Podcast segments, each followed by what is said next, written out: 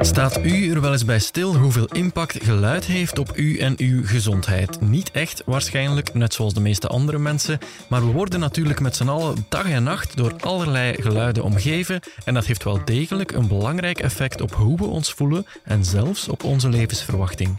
Daarom heeft De Morgen samen met de Universiteit Antwerpen de Oorzaak gelanceerd. Een grootschalig onderzoek naar geluid en geluidsoverlast in Vlaanderen.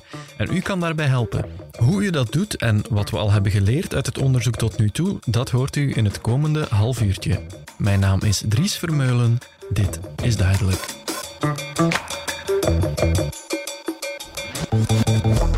Duidelijk, de morgen. Bij mij aan tafel zitten Barbara de Bussere, journalist bij onze krant, en Remy Amkruits, onze hoofdredacteur. Welkom. Dag. Hallo. Deze week starten we bij de morgen de grote geluidsbevraging. Dat is een nieuwe fase in een project waar we al langer mee bezig zijn. Remy, vertel misschien even. Dat heet De Oorzaak. Wat is dat? Uh, dat is het grootste onderzoeksproject uit de geschiedenis van, uh, van deze krant, om het zo te formuleren. En tegelijkertijd ook het eerste echt grote onderzoek in Vlaanderen naar geluid en omgevingsgeluid. Mm -hmm. Onderzoek naar geluid, dat wil dan zeggen alles wat we om ons heen horen. Klopt. Uh, alles dat wij om ons heen horen, dat eigenlijk een externe oorzaak heeft. Ja? Dus dat betekent verkeerslawaai, lawaai van openbare werken, uh, de buren. Uh, Barbara, je kunt er vast nog een honderdtal opnoemen, denk ik. De stadsduiven blijken een groot probleem bij mensen. Bouwwerven, ja, ehm, bouwwerven, ook gewoon andere mensen. Veel andere veel, mensen. En hè? vooral ook terug, hè? verkeer. Hè? Dat blijkt ook ja. uit cijfers die we nu ook al zelf hebben verzameld. En het mooie aan het onderzoek vind ik zelf is dat het uniek is omdat het niet alleen metingen doet van decibels, van allerlei bronnen van geluid, maar ook um, dat hij koppelt aan hoe mensen subjectief geluid ervaren, ja. want daar zit een verschil tussen. Mm -hmm. Het is niet omdat jij 70 decibel hoort dat je daar last van hebt. Uh, en bij mij kan dat dan bijvoorbeeld wel last geven. En drie, er is ook een gezondheidsimpact. En dit onderzoek brengt dat allemaal aan elkaar, dat is ook nog nooit gebeurd. Nee. Ja, het bijzondere is wel, denk ik, en dat is een mooie dat wij meteen zagen, het leeft enorm. Dus ja. als je kijkt, uh, we zijn nu een tweetal maanden bezig. Uh, dus dit is, eigenlijk de, dit is eigenlijk de grote start. Dus wij hebben de ja. grote start in de krant natuurlijk gehad met de eerste fase. In die eerste fase vroegen we mensen vooral naar subjectieve geluidsbeleving. Dus we vroegen, ga buiten een wandeling maken, welke geluiden kom je tegen? En op die manier hebben we geluidskaarten gemaakt. Dan zie je inderdaad dat mensen veelal klagen over de buren of over vogels of over verkeer. Nu gaan we ook naar objectievere fases toe, gaan we inderdaad meten. Dat is toch de bedoeling. Maar dit is eigenlijk het moment waarop het grote onderzoek begint. Uh, maar desalniettemin hadden we al meer dan 13.000 deelnemers. Mm-hmm. Dus je ziet, het leeft enorm. Uh, we kregen ook heel veel berichten binnen, heel veel verhalen van mensen ook die wilden vertellen hoe zij met geluid in hun leven te maken krijgen. Mm. Um, dus voor ons is het enerzijds heel mooi om te zien uh, dat het mensen beroert. Hadden we natuurlijk ook wel verwacht, denk ik, mm-hmm. maar wellicht ook niet op die schaal. Ja, ik had dat niet op die schaal verwacht. Nee, voilà. Ik weet dus, niet waarom, dus ik denk dat ja, dat. is ja, veel. Het is minder tastbaar. Hè? Dus geluid ja, is, ook, is is ook... overal, maar het is minder Ja. tastbaar dan bijvoorbeeld als problematiek. Want zo mag je het wel omschrijven. Werden natuurlijk veel minder in de media gebracht. Was het veel minder iets, denk ik, waar aan de feesttafel over gesproken werd. Luchtvervuiling is op dat vlak Ja. vaak eerder top of mind. Maar dit toont toch terecht dat geluid ook, ook heel erg belangrijk is in het leven van heel veel mensen. En het mooie daaraan is dat we problematiseren natuurlijk. We gaan na van, oké, waar liggen problemen? Uh, Mhm. Hoe groot is de overlast bijvoorbeeld? Maar we gaan ook echt met oplossingen komen. Dus het is niet alleen de bedoeling om te zeggen van, kijk, hier gaat het niet goed of hier is het geluid uh, een probleem. Het is ook echt wel de bedoeling in de stukken die Barbara en, en haar collega's maken, uh, maar ook in het onderzoek dat gedaan wordt, om uh, constructief te zijn.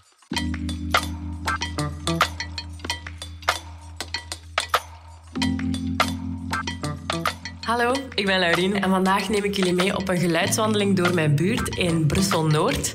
Dus we gaan eraan beginnen. In de eerste fase van het onderzoek hebben we mensen gevraagd om een geluidswandeling te maken. Dat is een simpel ommetje in uw eigen buurt waarin u extra aandachtig bent voor alle geluiden die u in uw omgeving hoort. Duizenden Vlamingen hebben zo'n wandeling gemaakt en de onderzoekers zo een idee gegeven van hoe de Vlaming subjectief het geluid in zijn buurt ervaart. Ik woon eigenlijk in een heel interessante buurt, vind ik. Want het is een combinatie van dicht bij de spoorwegen, er is politie in de buurt en ook wel een park. Dus in principe kan ik de rust van het park opzoeken. Maar zoals je misschien al hoort in de verte, wordt mijn dag eigenlijk heel vaak onderbroken door het horen van sirenes. Dat is een, een standaard geluid ondertussen wel geworden. Het feit dat wij zo dicht bij het station zitten, wil ook zeggen dat er heel veel bussen zijn. Op een kleine wandeling kan ik mij eigenlijk al begeven in best wel de drukte van mensen die hopen een internationale bus te kunnen nemen.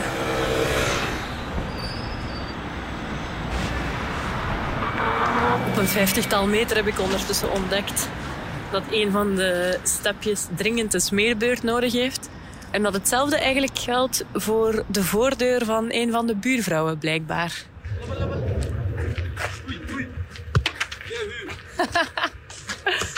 Dat was trouwens het geluid van een zeer succesvolle pas.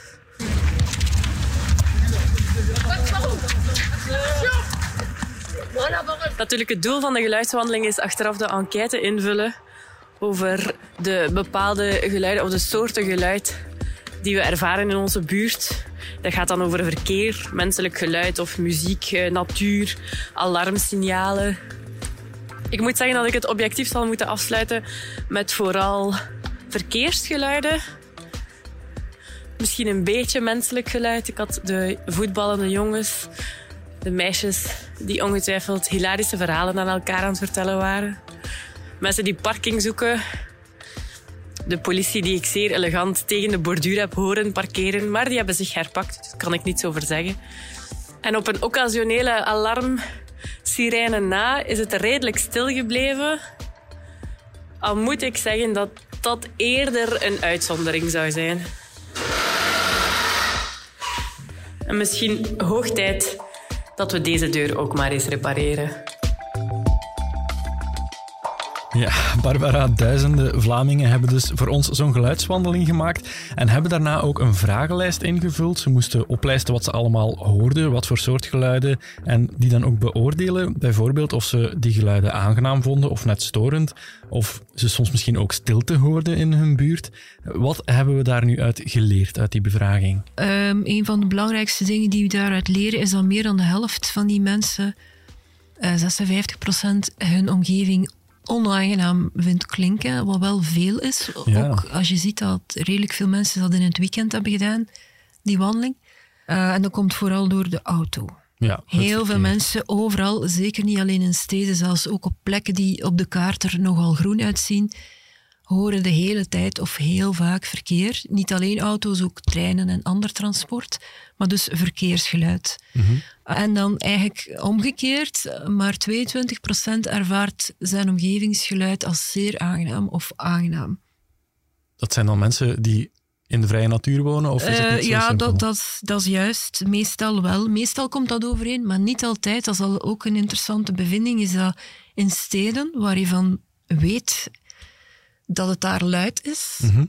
zijn er ook heel wat rapporten binnengekomen van mensen die het eigenlijk wel aangenaam vonden. En daarvan vermoeden de onderzoekers dat dat komt door ehm, het subjectieve van geluidservaring. De stedeling past zich ergens ook aan, associeert stedelijke geluiden die objectief echt luid zijn, ook wel met positievere zaken zoals ehm, energie, beweging, activiteit, de stad. Dus daar zien ze van, ja, het is zeker niet zwart-wit dat er altijd eh, alleen maar negatieve reacties komen uit luidere plekken. Omgekeerd zien ze soms mensen die op, op het eerste zicht stillere plekken wonen, die toch wel onaangename eh, geluidsomgevingen eh, re- registreren of rapporteren. En daarvan zeggen zij, ja, daar zouden we dan eens willen naartoe gaan. Om, daar zitten verhalen achter. Ja. Welke kunnen we nu nog niet meteen zien, maar goed, die zitten er ook wel bij. Geluid kan niet alleen vervelend zijn, maar kan ook gewoon echt schadelijk zijn. Ja. Heb ik ook gelezen, Barbara, in eh, een van jouw vele stukken die je al eh, erover hebt geschreven. Ehm, mensen gaan daar eigenlijk aan dood zelfs. Ah, Wel, ja, je, je valt niet dood van een, eh, een luid concert. Eh, zien we uh, elke zomer. Dat uh, is het niet, maar um, de Wereldgezondheidsorganisatie heeft het over geluidsvervuiling. Ja. Zij zien dat als de tweede meest schadelijke vorm van omgevingsproblemen uh, voor de gezondheid na luchtvervuiling. En dat heeft te maken met het feit dat steeds meer wetenschappelijk onderzoek ziet dat er duidelijke verband is tussen chronisch langere tijd aan te veel geluid worden blootgesteld en allerlei aandoeningen, vooral dan hartziekten, vroegtijdige sterfte, dus effectief mhm. dodelijke uh, uh, effecten, beroertes, depressie zelfs, te hoge bloeddruk. dat zijn verbanden. Sommige zijn heel sterk, bijvoorbeeld met die vroegtijdige sterfte en die hartziekten. Mhm. Die zien ze op bevolkingsniveau steeds duidelijker. Dus dat komt daar vandaan, die, eh, die uh, conclusie van de WHO van ja, dat is echt, geluidsvervuiling is echt een gezondheidsprobleem. Ja, je kan die cijfers zelfs heel concreet koppelen aan geluid, las ik. Uh, het risico op een hartaanval stijgt met 4,3% per 10 decibel verkeerslawaai. Uh, het risico op sterven aan een hartaanval. Maar je kan ook een hartaanval krijgen en niet sterven. Maar wat. Ja. ja, inderdaad. dat klopt. Daar zijn steeds betere onder, want dat is niet simpel, maar er zijn steeds meer grote, betere onderzoeken die dat echt telkens maar opnieuw tonen. Ja. En zo zijn er nog, ik heb er nog uh, Ik denk een van de belangrijkste is van het Europees uh, Milieuagentschap, hè, dat men zegt dat denk jaarlijks 12.000 mensen voortijdig ja. komen te overlijden door geluidsoverlast, of eigenlijk door de gevolgen van geluidsoverlast. Ja. Dat is aanzienlijk, hè? Dat is behoorlijk, ja. Ik denk in Vlaanderen of in België hebben we ook cijfers. Ja, ik denk dat dat we hebben bijvoorbeeld België, 170.000 Belgen slapen slecht door geluidsoverlast. Een half miljoen ervaart er chronische en zware stress door. En dat, is, dat zijn allemaal dingen die echte risico's zijn mhm. voor al die ziektes die je daarnet zei. Dus dat zijn geen kleine groepen. Kan het dan gaan over snurkende partners of is dat altijd uh, extern? Ah, wel, de Europese, deze cijfers van het Europees Milieuagentschap, dat gaat alleen over verkeer zelfs dan nog. Dus eigenlijk is het zelfs nog meer. Hè. Dit gaat over verkeer. Uh, ze splitsen dat dan op, vliegtuigen, treinen, uh, stadsverkeer. Maar dus effectief, nee, die zitten daar nog niet bij. Maar voor jouw lichaam is dat even uh, is dat hetzelfde effect als jij uh, heel vaak naast een snurkende partner ligt. Ja, of een huilende baby. Een huilende baby. Um... Nu, we gaan dat ook meten. Hè? Ja. Dus dadelijk in de, in de volgende fase van het onderzoek gaan we ook effectief slaaponderzoek doen. Mm -hmm. Dankzij de wetenschappers van het Universitair Ziekenhuis Antwerpen. Dus gaan we ook echt kunnen zien bij een kleine groep uh, mensen, het zijn er ik denk een paar honderd, ja. dat we op die manier gaan onderzoeken, ja, wat de rechtstreekse gevolgen zijn van blootstelling aan geluid of lawaai. Mm -hmm. Het s'nachts. En gaan we ook kunnen zien wat dat doet met bepaalde ja. ja lichaamswaarden die vervolgens gemeten worden. Dat is zeer interessant, want het is uh, vaak wel zo... Allee, het is niet omdat je zegt, ik heb er geen last van bijvoorbeeld, van je snurkende partner of van het verkeer, dat je er niet ook schade van ondervindt. En dus het onderzoek zal onder andere nagaan hoe het zit met uh, cortisolniveaus, wat stress uh, indiceert. Uh, waardoor ze hopen te zien hoe de fysieke impact is. Ook al zeggen mensen misschien die bijvoorbeeld gewend geraakt zijn eraan van ik merk niks. Mhm. En zeker bij verkeer is dat, is dat een groot issue, want daarvan zeggen veel, nee, veel, ondertussen een paar onderzoekers, dat zij dat beschouwen als even schadelijk als passief roken, als ze al die fysieke impacten optellen.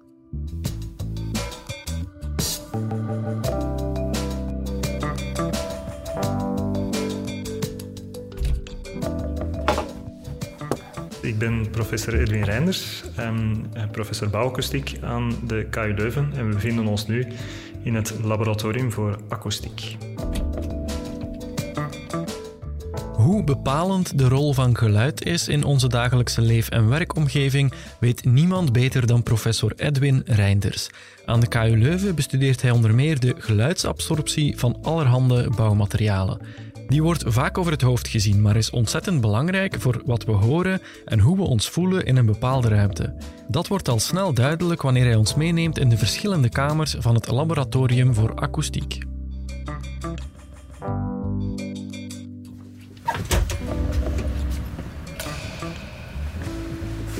Ja, dus we bevinden ons nu in de waar het de bedoeling is dat het geluid zo lang mogelijk blijft rondgaan en dat er zoveel mogelijk galm aanwezig is. Ehm, je kan dat eigenlijk vergelijken visueel met een volledig wit geschilderde ruimte, waar eigenlijk ja, het licht continu gereflecteerd wordt op alle wanden, wordt hier het geluid op alle wanden gereflecteerd. Ehm, je ziet ook dat geen enkele wand evenwijdig is met een andere, en zodanig dat het geluid ook altijd in verschillende richtingen rondgaat. Dus ik kan even een handklap geven.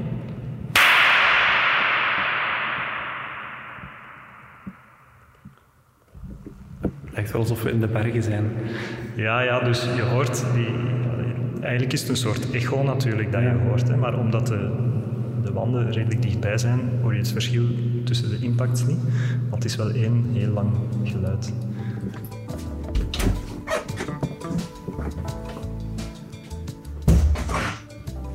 Dus ja, zeker nu dat we tussen die twee ruimtes gaan, is dat verschil enorm. Dan gaat dat wel werken. Voilà, dus nu bevinden we ons in de dode kamer, of anechoïsche kamer noemen we dat ook. Dus er is geen enkele echo. Uh, alle wanden zijn uh, bekleed met een dik pakket geluidabsorberend materiaal. Dus eigenlijk als wij geluid maken, um, dan ja, brengen wij de lucht aan het trillen. En die trilling plant zich voort doorheen de lucht. En als die een wand tegenkomt, en dat is een harde wand, wordt die gereflecteerd. Maar als die wand ja, open poren heeft, dan kunnen die trillingen daarin gaan en daarin eigenlijk verdwijnen. Hè, dus door wrijving in warmte worden omgezet. En dan heb je totaal geen reflectie. Um, dus zo is, dat, uh, zo is dat effect hier gecreëerd. Kunt u hier ook nog eens klappen? Ja, dat gaat een enorm verschil maken. Hè, dus je hebt eigenlijk enkel de handklap zelf gehoord en, en niets anders. Hè. Dus uh, de wanden hebben eigenlijk niks gereflecteerd nu.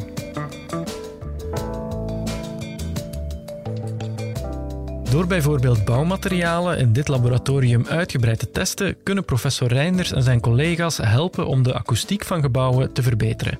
En dat is belangrijk om heel wat mogelijke problemen te voorkomen. Bij een slechte geluidsisolatie bijvoorbeeld kan je behoorlijk veel last hebben van geluiden van buitenaf. Denk maar aan voorbijrazend verkeer of de tv van de buren. Als de geluidsabsorptie niet goed is, heb je vooral overlast van geluid dat binnenin wordt geproduceerd, met mogelijk ernstige gevolgen. In een binnenomgeving kunnen de geluidniveaus heel hoog oplopen en kan je echt ook wel gehoorschade uh, hebben. Hè. Dus dat is, typisch vaak in een situatie waar de geluidbron en de personen die daar last van hebben in dezelfde omgeving zitten. Denk bijvoorbeeld aan lawaaiige productiehallen, uh, waar, waar geen absorptie is en het geluid zich over grote afstanden kan, kan voortplanten en, en een grote galm kan zijn. Ook turnzalen bijvoorbeeld. Um, ik heb mij laten vertellen dat een van de belangrijkste kwalen van, van turnleraars um, zelfs niet fysieke letsels zijn, uh, ten gevolge van geen sportletsels zijn bedoel ik, maar wel gehoorschade. En bijvoorbeeld in Nederland heeft men daardoor een, een hele tijd geleden ingegrepen en echt wettelijk uh, maximumwaarde voor de nagalmtijd, dat is eigenlijk een ja, het vastleggen van de galm uh, in turnzalen vastgelegd. En ook in België heeft men een uh, norm ondertussen al een tiental jaar geleden, uh, waarin dat men daar zeer duidelijke grenswaarden heeft gesteld.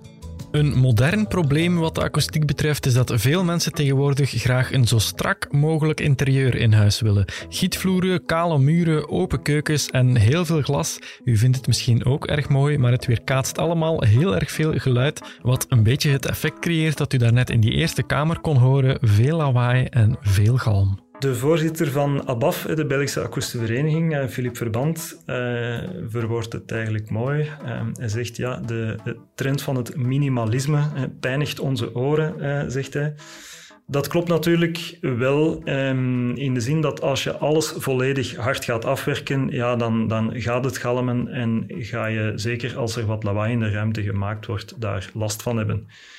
En het spijtige is, als je dan pas achteraf ingrijpt, dan ga je eigenlijk dat mooi interieur zichtbaar gaan beïnvloeden. Hè? Bijvoorbeeld met uh, gordijnen, met panelen enzovoort. Als je daar op voorhand nadenkt, dan kan je toch die strakke look uh, zoveel mogelijk proberen te behouden en een aantal wanden absorberend uh, maken of het plafond absorberend maken. Voorkomen is dus beter dan genezen en advies inwinnen bij een specialist is altijd aangewezen. Achteraf ingrijpen is vaak lastig of duur, maar voor wie echt veel last heeft van lawaai binnenshuis of bijvoorbeeld van de buren, heeft professor Reinders nog wel enkele tips. Een aantal dingen kunnen mensen natuurlijk zelf thuis doen als ze last hebben van lawaai. Het belangrijkste is u eerst afvragen van welk type probleem is het precies. Is het een probleem van absorptie? Dat wil zeggen, is de geluidbron in de ruimte zelf en is er te veel galm? dan kan je proberen om die galm te verminderen, ehm, bijvoorbeeld door een verlaagd plafond te voorzien of absorberende plafondpanelen. Typisch het plafond behandelen heeft altijd het meeste effect. Je kan ook zware gordijnen uh, hangen, die dan natuurlijk wel uh, gesloten moeten worden op het moment dat de galm te groot wordt. Uh, dus daar zijn, zijn heel wat oplossingen mogelijk. Um, als het probleem bijvoorbeeld burenlawaai is, is de eerste maatregel die je gaat doen een voorzetwand plaatsen. Dan onttuppel je eigenlijk de muur door daar een, een lichte scheidingsconstructie voor te zetten, bijvoorbeeld in, in gipsplaten op een raamwerk dat dan geen contact maakt met de basiswand. Als je die kosten wil doen, uh, is het vaak interessant om een akoestisch specialist te, raadplegen die u kan zeggen, oké, dit gaat effect hebben, of die zal zeggen, hier alleen ga je, ga je niet mee komen.